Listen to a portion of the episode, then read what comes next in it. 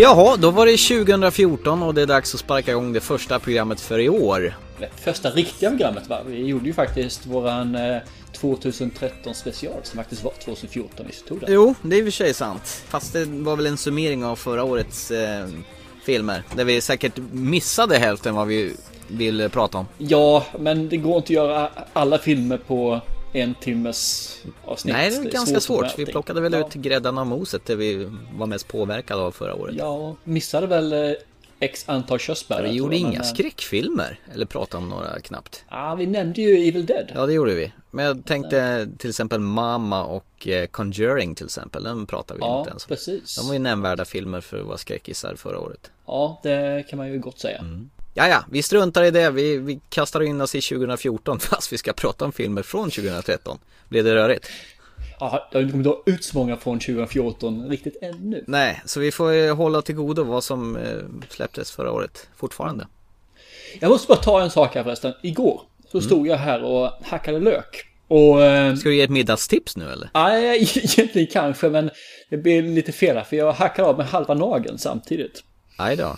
Det var inte så gott. Efter jag hade svarat en svordom där så gick tankarna direkt på film. Ja, Om man skär av sig film, fingret som jag gjorde nu här då. Hade det varit en japansk eh, så här film så hade ju så blodet sprutat tre meter upp i luften. Och I fontäner, ja. Ut. Ja, visst fontäner. 83 bastryck och så vidare. sen hade du börjat flyga dessutom. ja, ja, men, På grund av ja, trycket. Någonting sånt där hade ju hänt alltså. Och hade det varit en amerikansk film så hade det inte varit fingret man huggit av sig, utan det hade varit handen istället som sagt var. Så hade man då bränt den med en tändsticka och så hade man gått vidare. Jag vet inte, är man skadad när det första man tänker på inte är att sätta på plåster utan man tänker bara hur det här ser ut på en film? Vilken genre det passar i. Lite lätt skadad tror jag. Tack, bra. Det, det, det är synd om dig egentligen. Jag vet. Sök hjälp. Jag har gjort det därför jag sitter här. Du som är min terapeut. Ja, varsågod. Lätta ditt hjärta. Tillbaka till eh, det viktiga. Till verkligheten, till verklighetsflykten kanske. Till verklighetsflykten. Ja. Ja, verkligen en verklighetsflykt den här första filmen. Definitivt, och det vore en på snudd känns det. Vi, vi pratar lite fram och tillbaka, ska vi ta den här eller inte? Alla kommer ju prata om den här filmen fram och tillbaka, men det känns som att den behöver avhandlas i alla fall. Where does your journey end? You seek that which would bestow upon you the right to rule. The quest to reclaim a homeland and slay a dragon. Vilken film är det då Thomas? Ja, det är Hobbit, Smaugs ödemark, eller Desolation of Smaug som det så fint heter på eh, originaltitel. Peter Yes. Jacksons andra del i sin Bilbo Hobbit-trilogi. Som man antagligen kommer göra så att det blir som en prequel till eh, Ringen-trilogin. Ja, det lutar åt det hållet va? Ja, jag tror nästan det. Det känns som det eftersom Legolas är med och hela det här så börjar han knyta ihop det alltså. Eh, Du som har läst boken, det måste väl vara eh, massor som har lagt till extra som inte är med i Ja, boken? hela Necromance-biten är ju tillagt där ju. Den här White Oak som är också med är också tillagd. Så har de tagit bort en hel del saker också som sagt vad som jag tycker gott kunde ha varit med. Jag tänkte som sagt skulle försöka, jag, jag älskar ju både Ringen-trilogin och eh, Hobbit-boken då, alltså så att, som böcker alltså. Så jag tänkte jag skulle försöka att inte se den som en bok utan se det här som en film, fristående film. Problemet tycker jag med det här är att när, när jag väl satte mig på bion och eh, filmen ramlade igång Då hade jag nog nästan glömt bort vad som hände året innan man såg den första Hobbit Ah, okej. Nej, jag har ju två söner som faktiskt eh, älskar första Hobbit-filmen. Ah, den har gått varm antar jag Ja, den har gått några gånger i alla fall. Vi har ju så här fredagsmys, då är det ju film som gäller och då får de ju välja en film. Och... Då är det den varje fredag Nej, det är det inte. Men Det är som tacos, tacos och Hobbit varje fredag Varje fredag tacos i alla fall. Nej, men den har kommit upp några gånger, den har den gjort, och de tycker den är bra. Så det vara intressant att se vad de tyckte om den här. Eh, Plotten är väl fortfarande att dvärgarna tillsammans med Bilbo Baggins eh, Han är väl eh, anställd av dvärgarna för att han är någon slags eh, tjuv eller inbrottstjuv Ja, han ska väl bli en burglar. Ja, precis. Och ta sig in i det här berget för att ta tillbaka sitt land, Erebor som det heter, dvärgarnas Mm. land som vaktas av den elaka draken Smaug. Så långt, so far so good. Och det, vad de lämnade de förra gången är väl egentligen när de står och ser berget. Och de har väl kommit några mil extra nu när de hoppar in här, men det är inte så långt efteråt faktiskt. Nej, det börjar ju liksom i en liten stad där eh, Gandalf ska möta den här ledardvärgen Thorin. Thorin ja, på, på ett litet eh, schabbigt, eh, alltså som, som en krog eller en bar eller vad säger man? Dåtidens ja, taverna, bar. Det var, sånt där. Taverna ja, precis. Och det roliga, det första jag såg eh, när kameran panorerar in, då får man ju se lite folk i rörelse. Och vem får man se först där? Jo, om inte Peter Jackson går och tuggar på ett äpple och tittar lite surt och kastar åt sidan. Jag missade det faktiskt. Du gjorde det? Ja, jag får skämmas där. Ja, men eh, han börjar göra som Hitchcock och eh, Stephen King tror jag. Han ska vara med en liten cameo i varje film här nu helt plötsligt. Ja, han vill göra en Hitchcock. Mm, exakt. Jag var faktiskt och såg den här för en vecka sedan. Lite efterblivet än vad säkert alla andra har gjort. Och eh, första gången jag sätter mig ner med sån här, eh, ser film i dubbla bildhastigheter. Istället för 24 frames per second så 48. Jag såg i första filmen där. Och Ja. i 3D också för den Ja, ja. Jag tycker nog att det känns lite som en hemmavideo. När det går så här mjukt och fint på något vis. Ja, jag tycker det är animerat, ser animerat ut. Som ett nyhetsinslag på Aktuellt och sånt där. Det, det, det, det, känns som det tappar själva den här biokänslan på något vis. Ja, Eller? jag håller med fullständigt. Ja. Och vilka baksträvar vi är. Vi tycker inte om 3D, vi tycker inte om high frame rate. Jag menar, kom igen, det här nymodigheten med Blu-ray, vad är det för någonting? Ja, nej men på riktigt, det här kommer man väl säkert få vänja sig vid, antar jag. Men eh, det kändes på något sätt, ja jag vet inte, det blev för, för mjukt. De säger att det ska ta 9-10 minuter eh, för att vänja sig, men jag tyckte man, det satte sig på en gång och där och jag på något vis kändes, det ser hemmagjort ut. Nej, jag uppskattar inte det heller egentligen. Nej. Eh, Och 3D-effekterna, visst man eh, tycker det är ganska fränt i början men som alltid när det är såna här svulstiga filmer så till slut så glömmer, glömmer jag i alla fall bort 3D-effekterna så de blir ganska försumbara. Jag såg ju inte den här som 3D så att eh, kan inte vänta uttala mig. Men, Ja, det var väl några sekvenser när det skjuts några pilar genom några orchers huvuden som sticker ut så här. Det var Ja, jag kan tänka mig det ja. Just lite det. kul och sådär.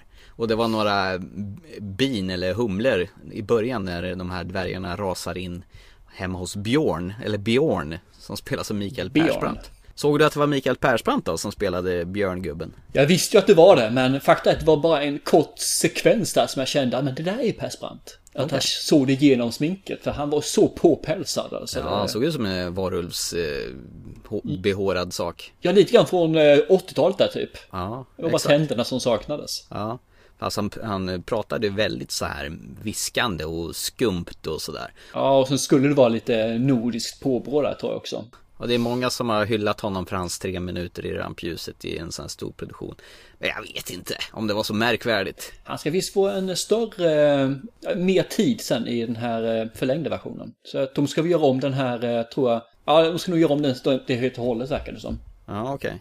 Jag tycker det är lite synd för att där gör de om någonting som jag tycker är mysigt i boken. Mhm. I boken så är han är ju en enstöring Björn. Vilket innebär att han vill ju inte ha massor av folk. En, kanske två går bra liksom. Okej. Och i boken så går Gandalf fram och knackar på dörren och hälsar så Björn då och han får komma in och han är, bla bla, är du ensam? Nej, har du en kompis? säger han. Och så får, plockar han fram Bilbo. Och så kommer, plockar han fram en efter en hela tiden så här långsamt för att vänja Björn att det är bara en till. Bara en till, det är bara två till. De får stå på kö så här för att komma in till Ja, honom. precis bakom en häck typ alltså och vänta på att bli framkallade. Och det tycker jag är en mysigare sätt att göra en, om man har gjort filmen på det viset. Det här att de ska bli jagade av Björn i björnformen. Det, det känns bara, varför? Först så jagar han och ska döda dem och sen så dagen efter äter han upp mjölk och honung till dem.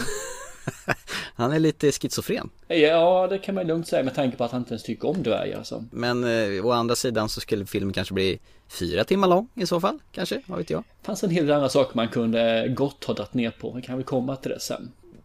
Legolas dyker ju som, som du nämnde tidigare tillbaka i filmen. Ja, just vår flickförälskelse tänkte jag säga, men flickförälskelsernas Orlando Bloom. Ja, jag hoppas att det inte är du som är förälskad i Orlando Bloom. Ah, han är söt. Han ser lite androgyn ut, gör han inte det?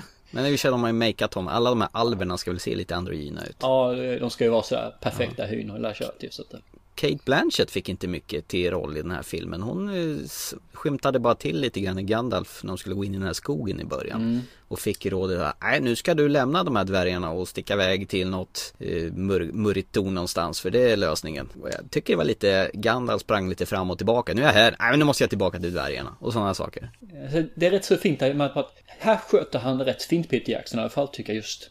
Jag skulle inte jämföra med boken, men jag gör det hela tiden i alla fall upptäcker Jag jag. märker det. Eh, för Gandalf försvinner exakt samma ställe i boken. Ja. Han, han tar sig en ponny och rider därifrån för han har andra åtaganden som man säger. Som är viktiga. Jag kan köpa att det var de här sakerna som var viktiga som han då gör i filmen också. Som man får se då i filmen istället. Så att, shoot, jag kan köpa det på sätt och vis säger jag faktiskt. Sen tycker jag visserligen det är roligare om har haft en mer renodlad historia och på det viset löst. Ja, de var ju tvungna att stoppa in den här som sagt den här triangeln med Legolas och eh, Taurel och, och den här eh, snygga, snyggdvärgen som jag inte kommer ihåg vad han heter. Eh, Keely. Ja, så heter han ja. Evangeline Turner, va? eh, Lilly från Lost var ju här en inskriven roll som i överhuvudtaget inte finns med i Tolkiens värld vad jag förstår. Nej. Det var väl kanske för att jämna upp eh, den kvinnliga färgringen i den övrigt kvinnofattiga Tänkte säga att det var väl den enda. Kate Blanchett var ju med i Sagan om ringen, hon var ju med en liten snutt som sagt Men hon Ja. hade ju så minimalistisk roll i den här filmen så att eh, det var väl som sagt för att väga upp det hela Men ska, ska jag vara lite sådär så hade jag istället för att skriva in en ny person, varför inte göra om en person istället? Till en tjej då eller? Ja, precis. En dvärgtjej till exempel Kanske eh, göra om eh, eh, Bard. Mm. Han den där bågskytten, varför kunde inte han vara en tjej istället? Ja, jo, sig. Eller kanske till och med Beon kunde varit en stor eh, fruktansvärd muskulös tjej. Menar, det finns ju möjlighet att göra sådana saker i avsteg tycker jag som skulle vara mycket roligare än att föra in en helt ny karaktär bara för att man ska ha den här, den här romantiska eh, spänningen mellan två personer. Ja, men det är väl kanske för att vinna den kvinnliga publiken lite grann också. Ja, jo. Baka in en kärlekshistoria mitt i alltihopa så blir det säkert jättebra. Kunde gjort Smaug till en eh, flickdrake. Vi kan väl komma till Smaug lite senare. Men eh, hade inte Orlando Bloom blobbat till sig lite grann? För jag har för att han är så himla smal och, och timid i de här Sagan Ja, men det har gått några år också, om vi säger så. Ja. Det är inte så konstigt. Han kanske gick på eh, sån här eh, bantningskur fram till eh, den nästkommande filmen Biggest Loser något sånt där. Nej, men han, han gör sin roll bra, även om jag tycker han surfar på den lite för många år sedan. där. Men eh, det syndes, vi, ja nu kommer vi till nästa sak här som är lite raskt där. Specialeffekterna. Ja, jag tycker det blir lite för mycket studsboll och för mycket tecknat. Vad roligt, jag tänkte just detsamma. Studsboll. okej. Nej, det, det, det ger mig ingenting. Nej, det var ju snyggt i vissa lägen faktiskt. Jo, de ska ju vara eh, väldigt Smidiga. smidiga, och eh, så här liksom. Men när man går emot fysikens lagar så tycker jag att det känns, nej, nu blir det bara trickfilmat eh, eufori här alltså.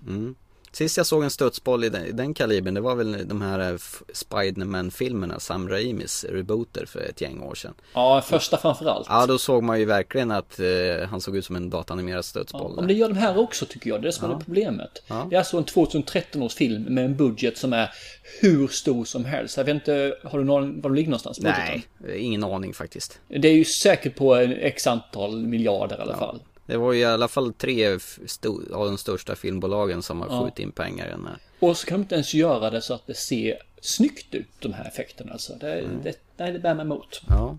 Annars brukar ju de här Weta Studios som ligger bakom specialeffekterna vara rätt så duktiga. De har lyckats i vissa fall, vissa fall har de eh, fatalt bara sjabblat bort saker och ting. I det här fallet gör de det senare. I det totalt ska jag inte säga, för det är, finns rätt så mycket snyggt här också. Så att, eh, En grej som det här med tunnscenen, eh, när de åker tunnor ner för vattenfall. där har vi en av de scener man kunde dragit ner på istället. Ja, det var väldigt bra tunnor som aldrig någonsin Ja, välter. Det, det är alvtunnor, det är alvtunnor vet du. Jaha, de håller- välter aldrig. Nej, nej, de sjunker aldrig heller. När den stora, eh, vad heter han, Biff, Boofer heter han, den här stora dvärgen hoppar ner från två meters håll ner en tunna. Den dippar inte ens en centimeter. Nej. Det är bra gjort. Ja. Orcherna tycker jag var annars såg väldigt uppda- väl uppdaterade ut trots att det ska vara före Sagan om ringen. De eh, gör ju det. Sen så vill de nog göra de här eh, orcherna lite mer unika också känns Mm. Så de har ju verkligen lagt ner lite jobb på att göra dem speciella, Mm. allihop lite speciella. Det är lite zombie-face på vissa. Ja, kanske, kanske. Men då, ja, jag köper ändå det på något vis. Ja. Nej, men de gillade jag. De var brutala och bitvis är filmen ganska brutal i vissa lägen tycker jag. Sen förstår jag inte riktigt varför de skulle föra till en ny Orcher plötsligt som skulle vara The Man, The Myth, The Legend, Who, Hans Dwarfs. Måste ju ha någon som är ö- över kucku. Ja, men han... Det fanns ju en överkucko. Ja. vi, vi, vi glömmer ju alltså den viktigaste spelpjäsen i den här filmen. Det är ju, det är ju Bilbo själv, Martin Freeman. Vad tycker du han skötte sig bra? ja, det gör han väl. Det är ju inget problem med honom så sett. Han, är ju, han, är, han är ju faktiskt en väldigt duktig skådespelare, Martin Freeman. Däremot så känner jag att hans förhållande till det här dvärgsällskapet det blir ju aldrig på något sånt här närmare vänskapsplan. Jag tänker om man jämför med Sagan om ringen som Frodo och Sam har när de håller på att tvista fram och tillbaka. De är ju väldigt nära vänner. Ja. Man känner ju ett mycket starkare band mellan de två än det här gänget. Det, ju, det känns ju liksom någonstans där så det, det klickar ju inte. Nej, men... Det är kanske inte meningen Det är heller. inte, nej, det är inte meningen heller. För han Nej. är ju ändå en, han är inte en i gänget på det viset. Nej. Dvärgarna är dvärgar, de är väldigt tajta i sin egen grupp. Precis, jag menar folk. bara att de här ga- Sagan om ringen-filmerna blir mer känsloladdade än vad det här gör. Det här blir mer ytligt.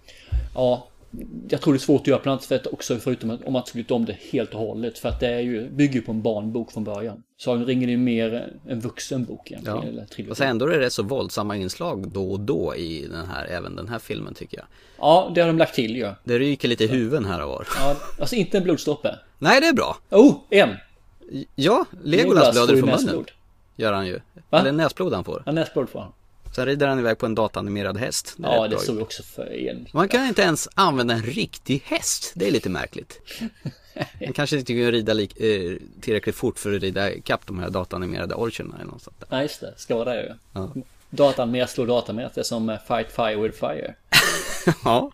Men sen kommer vi då till eh, den största av dem alla då som är eh, egentligen slutnumret i den här filmen. Eh, Det är ju... innan vi gör det så skulle jag faktiskt gå in lite grann på eh, när de är i staden här. Okej, Så i den här den- vattenstaden. Ja, precis. Mm. Kör. Eh, vägen in där har de gjort om lite grann för boken också. De eh, smugglas in egentligen på den här staden och sen så jagas de runt. Och det, de, eh, om jag, jag kommer inte ihåg filmen, film versus bok jättemycket här, men de spenderar ganska mycket tid i den här staden så jag ju. Vi har ju en eh, väldigt rolig eh, karaktär, tänkte jag säga, karaktär med skådespelare. Och det är ju Stephen Fry som spelade Master of, eh, vad heter den? Lake han, Town heter är det han den tjocka gubben som eh, basar över staden eller? Exakt. Ja. Så han är ju med här och eh, jag älskar ju mycket av vad han har gjort för någonting. Bland annat är han med i V för Vendetta som är ju en helt fantastisk film. Där han faktiskt spelar gay.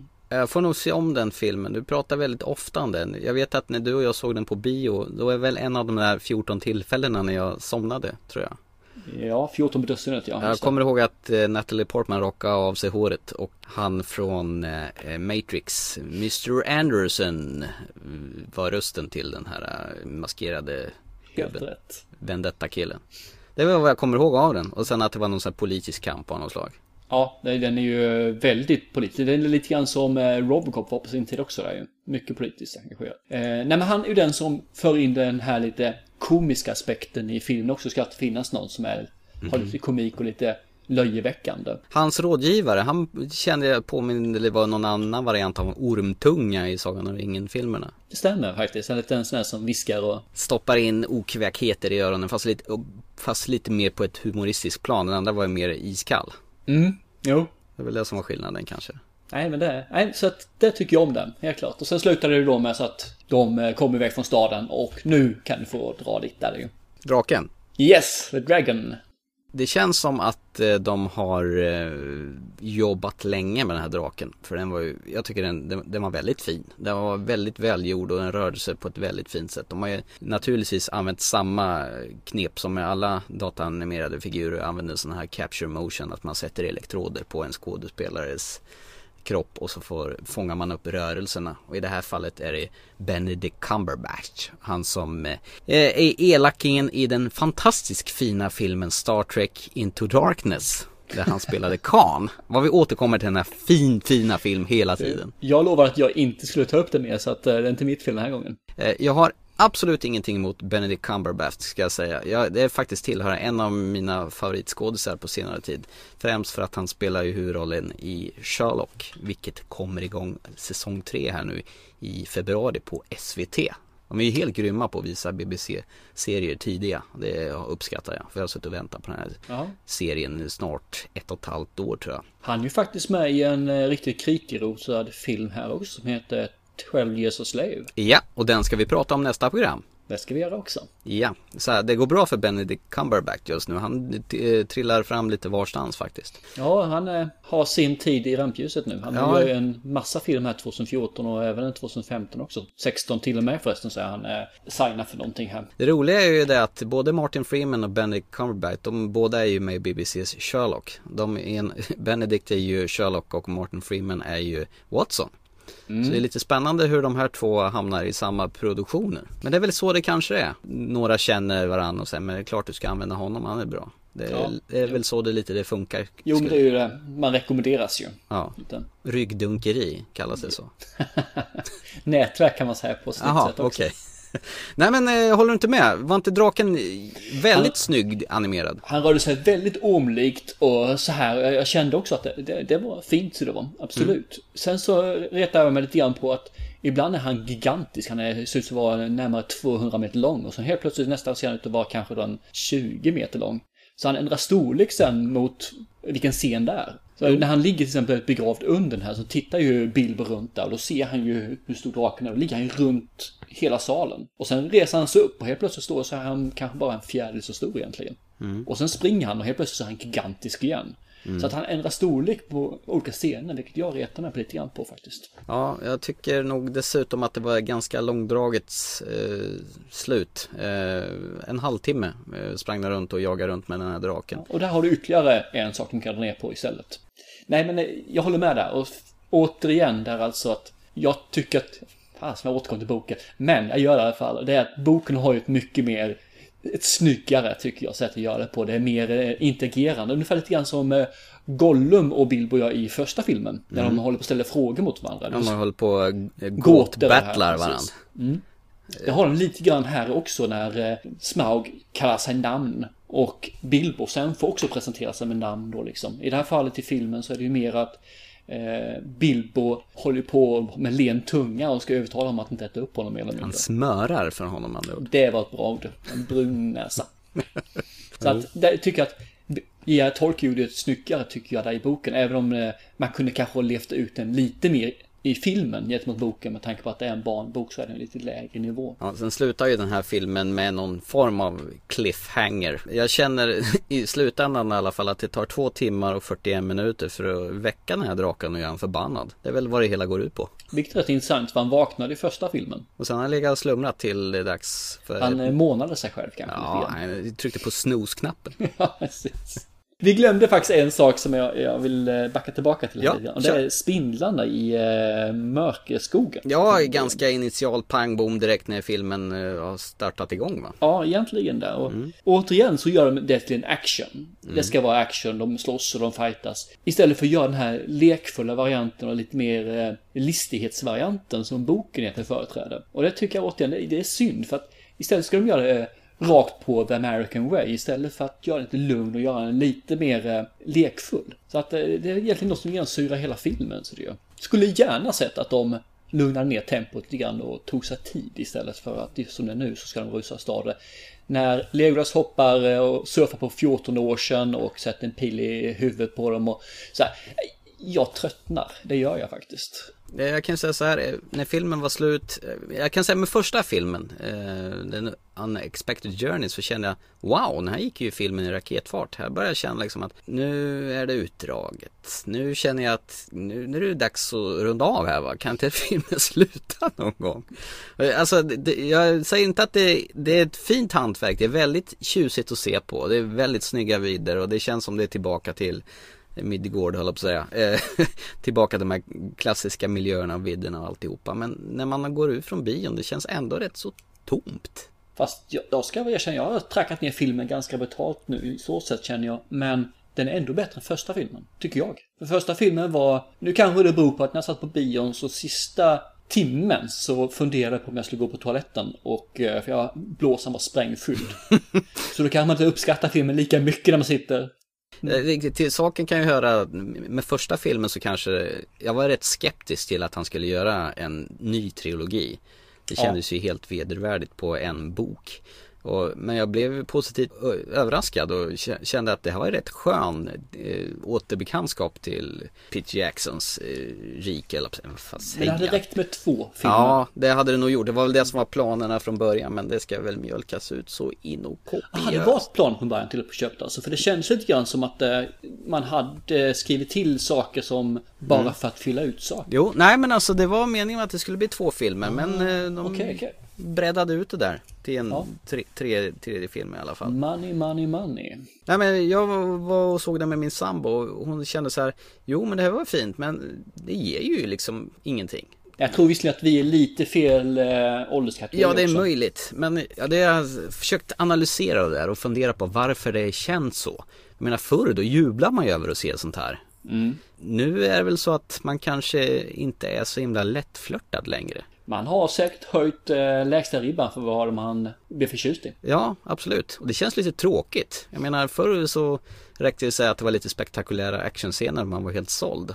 Jo, men hör inte det ungdomen till lite grann när allting är svart och vitt? Nu blir det mer lite gråsjaskigt. Vi har väl sett lite för mycket film genom åren för att liksom bara svälja alltihopa. Ja, det, det, det glimrar ju till fortfarande ett par gånger sådär i, om året när man känner att wow. Men inte så ofta det gör det. Wow-upplevelserna dyker sällan, mer sällan upp. För att gå in på Peter Jackson lite grann så tycker jag han har tagit eh, Spielbergs roll nu eh, att mjölka ut så mycket pengar som möjligt ur filmer. Han gjorde ju några filmer i sin ursprung som var riktigt bra.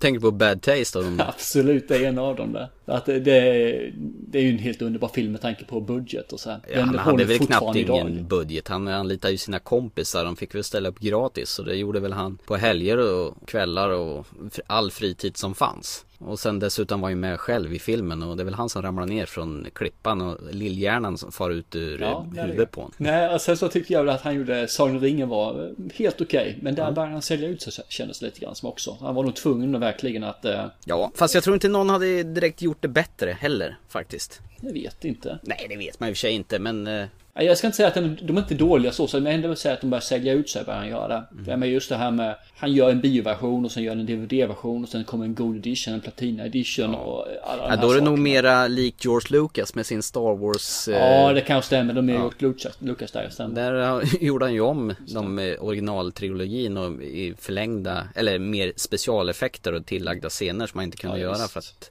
tekniken inte fanns. Och helt plötsligt var jag tvungen att ha med en Jabba the Hutt i en scen som var om en skådespelare på den tiden då. Och jag vet ju när de där kom och, han hade ju lagt till dödsstjärnan, den exploderade ju flera varv och ja, chock, chockvågor och grejer. Det var det som var synd när de eh, först, ettan, tvåan, trean kom sen då. Är det att det här med dialog och djupet försvann ju totalt. Ja, ja. Det som gjorde filmerna bra egentligen. Hjärtan och smärtan, den var borta.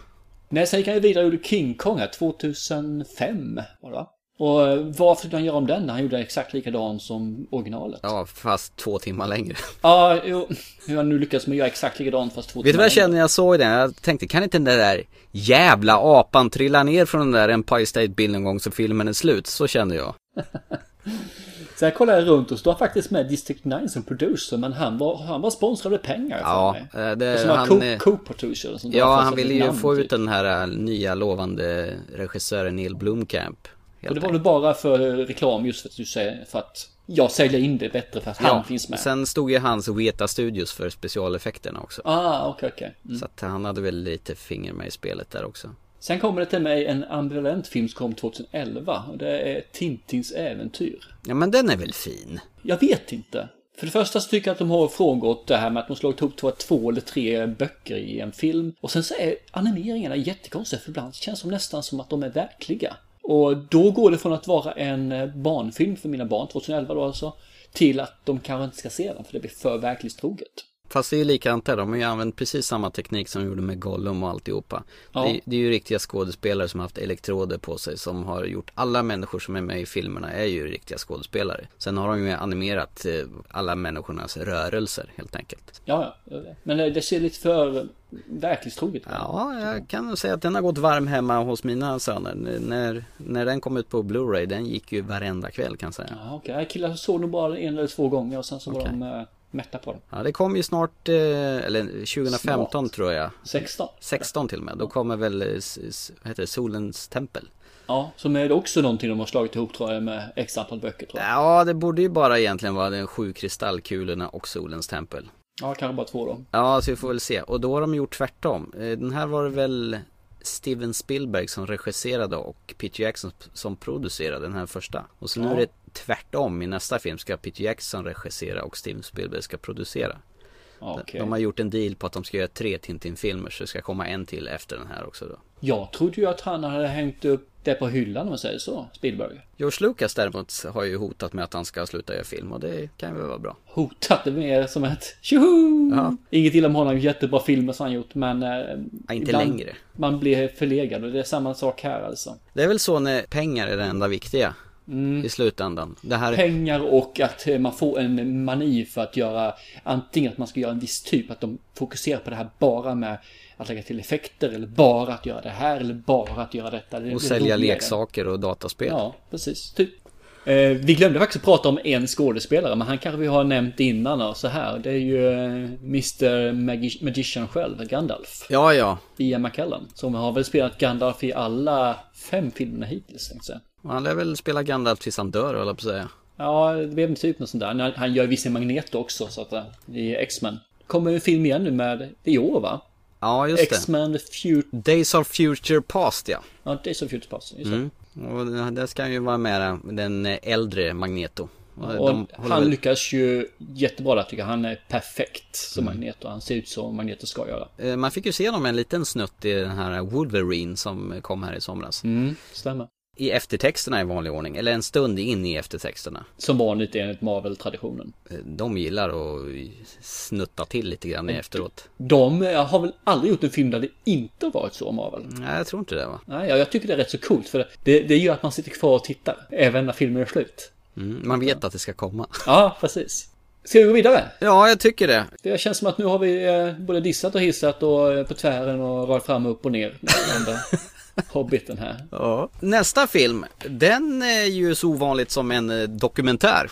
Ja, och till och med en rekommendation från en av våra lyssnare. Och då är ju, naturligtvis ska vi ju lyssna på våra lyssnare. Så därför... vi pratar om det de vill att vi ska lyssna på, eller de vill lyssna på. ja, vi ska lyssna på det vi ska titta på. Ja, exakt. Så de Ja. lyssnar på det vi har tittat på. Vi har sett en sån eh, ovanlig film som en dokumentär om späckhuggare. Blackfish. Ja. When you look into their eyes, you know somebody is home. They're an animal that possesses great spiritual power, not to be meddled with. Orange County Sheriff's Office. We need SO to respond for a dead person at SeaWorld. A whale has eaten one of the trainers. Tillicum is the one that went after her. Don is the senior trainer here at Shamu Stadium. She captured what it means to be a SeaWorld trainer, that it made me realize what happened to her really could have happened to anyone.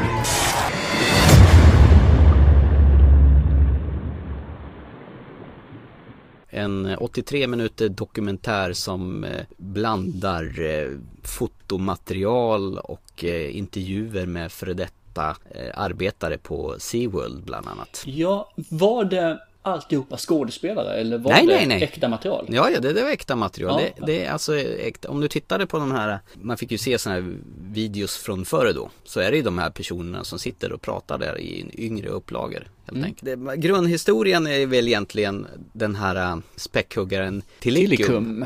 Ja, Tillicum. Tillicum, ja tack. Jag tycker det är så svårt att uttala det där. Det var någon eh, sp- späckhuggare som de hittade utanför Island för ungefär 30 år sedan. Ja, hittade och hittade de eh, jagade och fångade in honom rätt brutalt ja. De hade väl försökt utanför amerikanska kusten x antal gånger och det enda som hände då var väl att man dödade tre späckhuggare. Och så blev de bo- bannade därifrån och då flyttade de till Island. De som de lyckas eh, döda, de fyllde de med sten och sänkte till botten.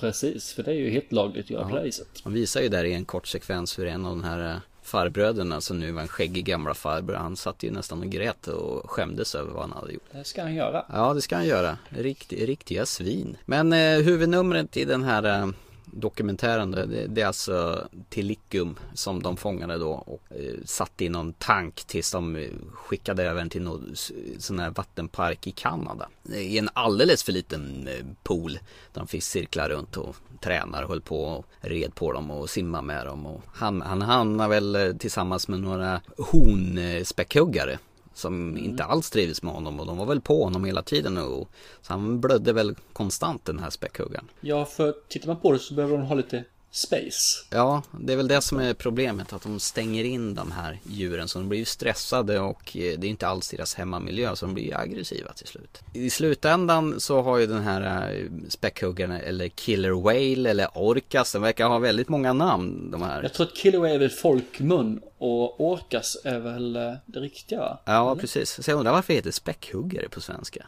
Ja, det är bra fråga. Antagligen så kan det ju vara det att de högg bort späcket på valarna när de attackerade valarna så gjorde de det i, i pack. Och Ja. det gjorde att de skadade valen genom att attackera och mosa in den. Och, ja, antagligen därifrån kan det ha varit då. Det är bara en gissning.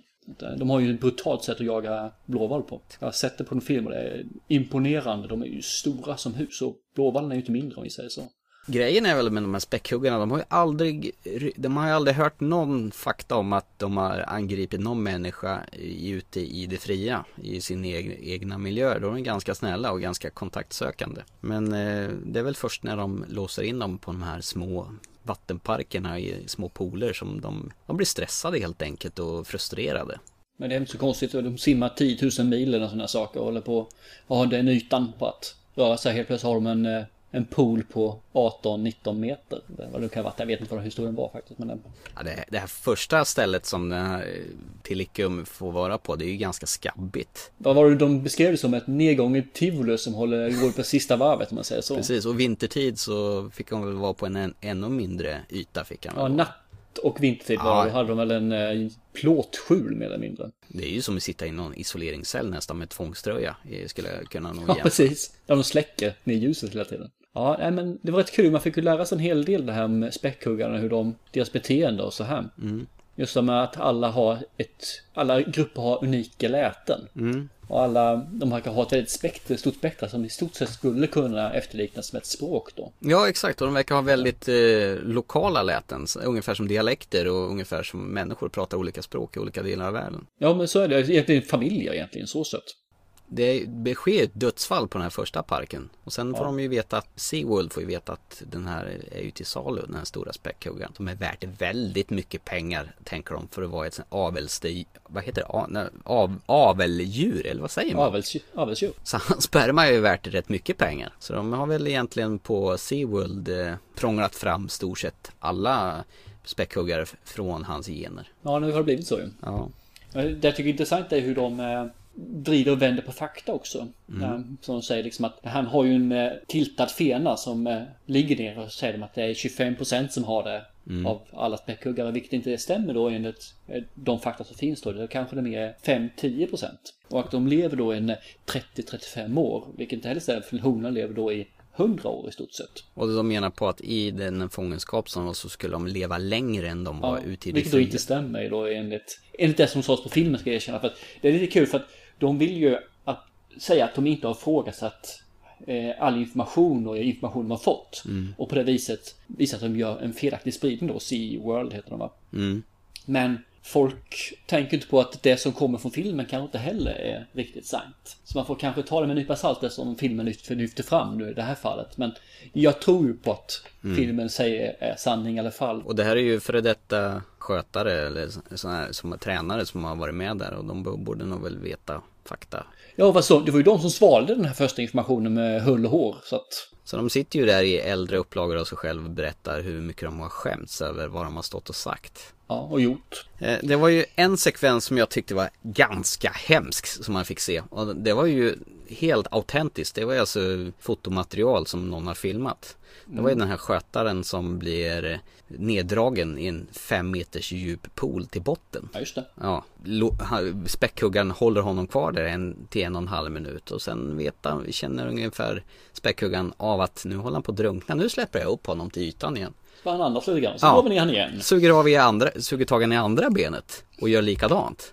De berättar om den här äh, tränaren hur han hå- försöker hålla sig lugn när man ser honom eh, chippa efter andan och de lägger ut det här nätet. Hyperventilerar och Ja visst, och han si- simmar till kanten och späckhuggarna efter honom och vilken panik han har sen då. Men det var väldigt coolt just när han satt där och hade foten i munnen, foten i kläm. Skägget i brevlådan. Eh, hur lugn han var. Han var klappade späckhuggaren och så pratade med den och Ja. tog det riktigt lugnt. Jag hade ju slagit, sparkat vilt. Ja, så jag har inte jag haft med sådana djur att göra så mycket heller, så jag Nej. vill inte erkänna. Det verkar ju som de är väldigt intelligenta för de hade ju lagt en eh, späckhuggare i en sån här CAT-scan eller vad heter det, magnetröntgen. Yes. Och, och konstaterade att hjärnan var ju väldigt högt utvecklad.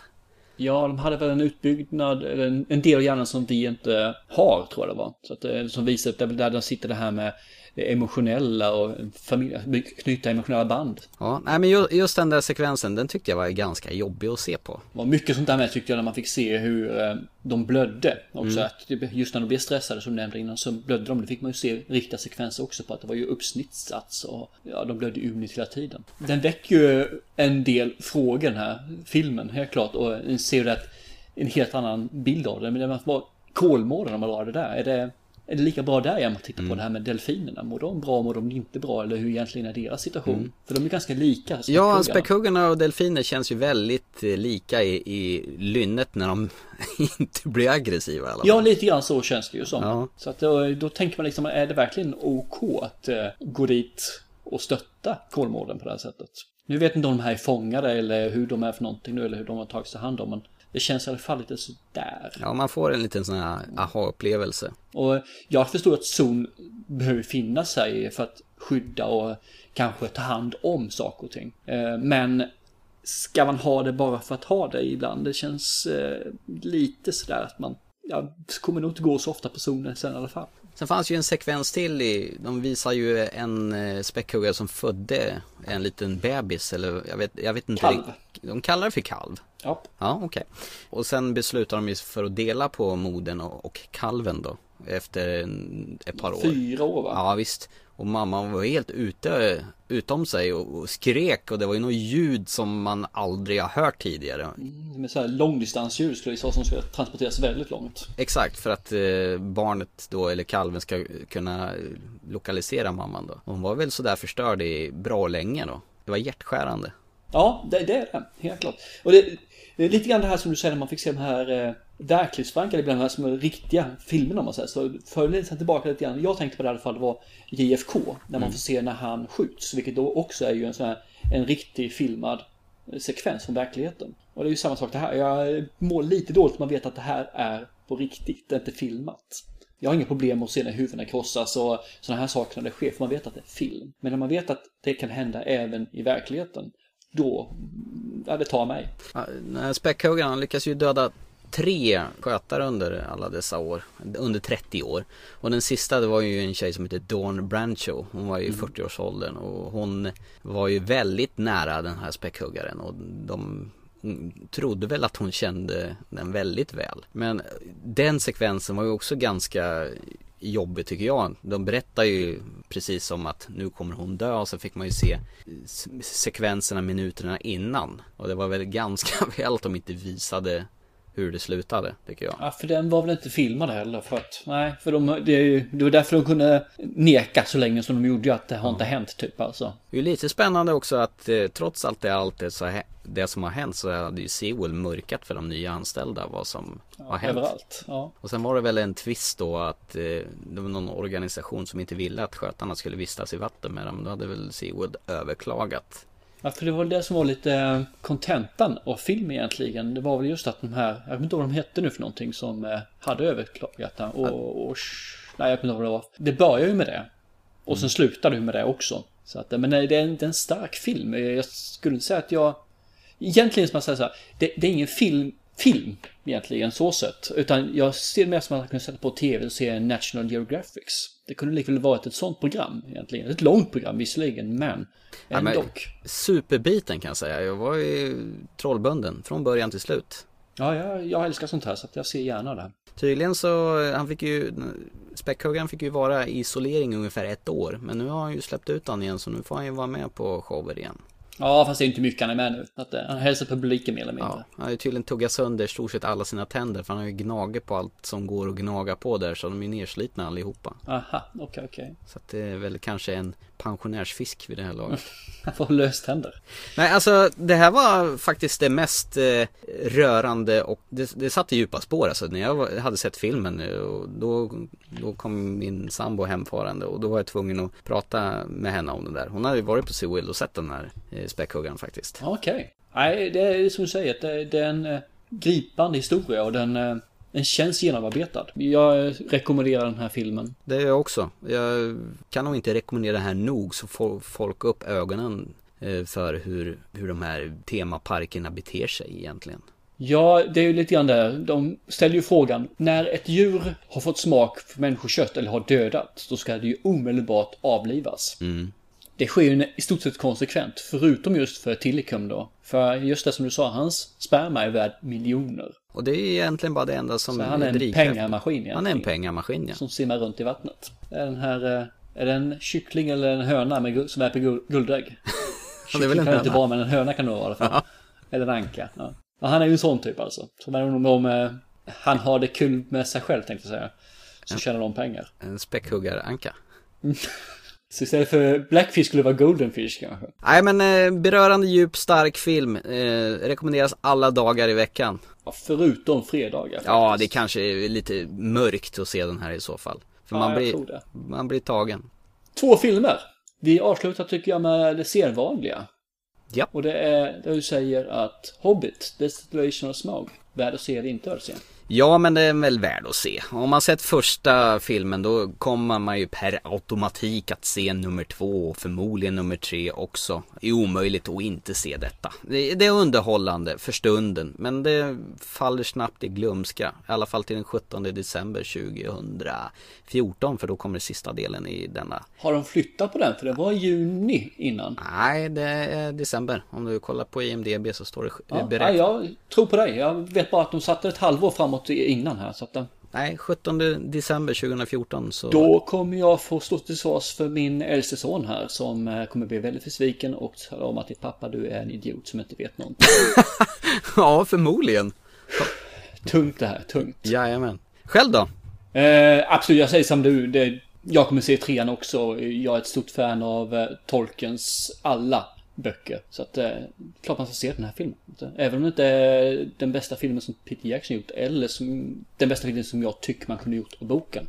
Men absolut, se den. Det är underhållning. Det är det. Stor underhållning. Yes. Blackfish. Behöver vi säga någonting om den? Nej, se den. Det är klart suverän film på alla plan. Eh, Ja, det är. Vi har sagt det vi behöver säga om eh, den filmen. Det tycker jag. Det är hyllat med nog. Så med det så skulle jag väl säga tack så mycket. Ja. Så eh, ses vi hörs vi längre fram på vintern här. Ha det så bra. Detsamma. Hej hej på er. Hej hej. This is to end in fire, then we shall all burn together. Watch the flames climb high into the night, calling out, Father, oh, stand by and the flames burn and on the mountainside. High.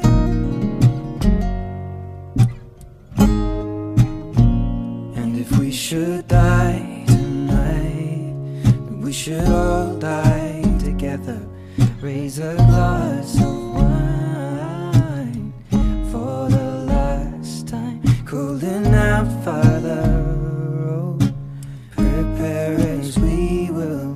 watch the flames burn and on the mountainside. Desolation comes upon the sky. Now I see fire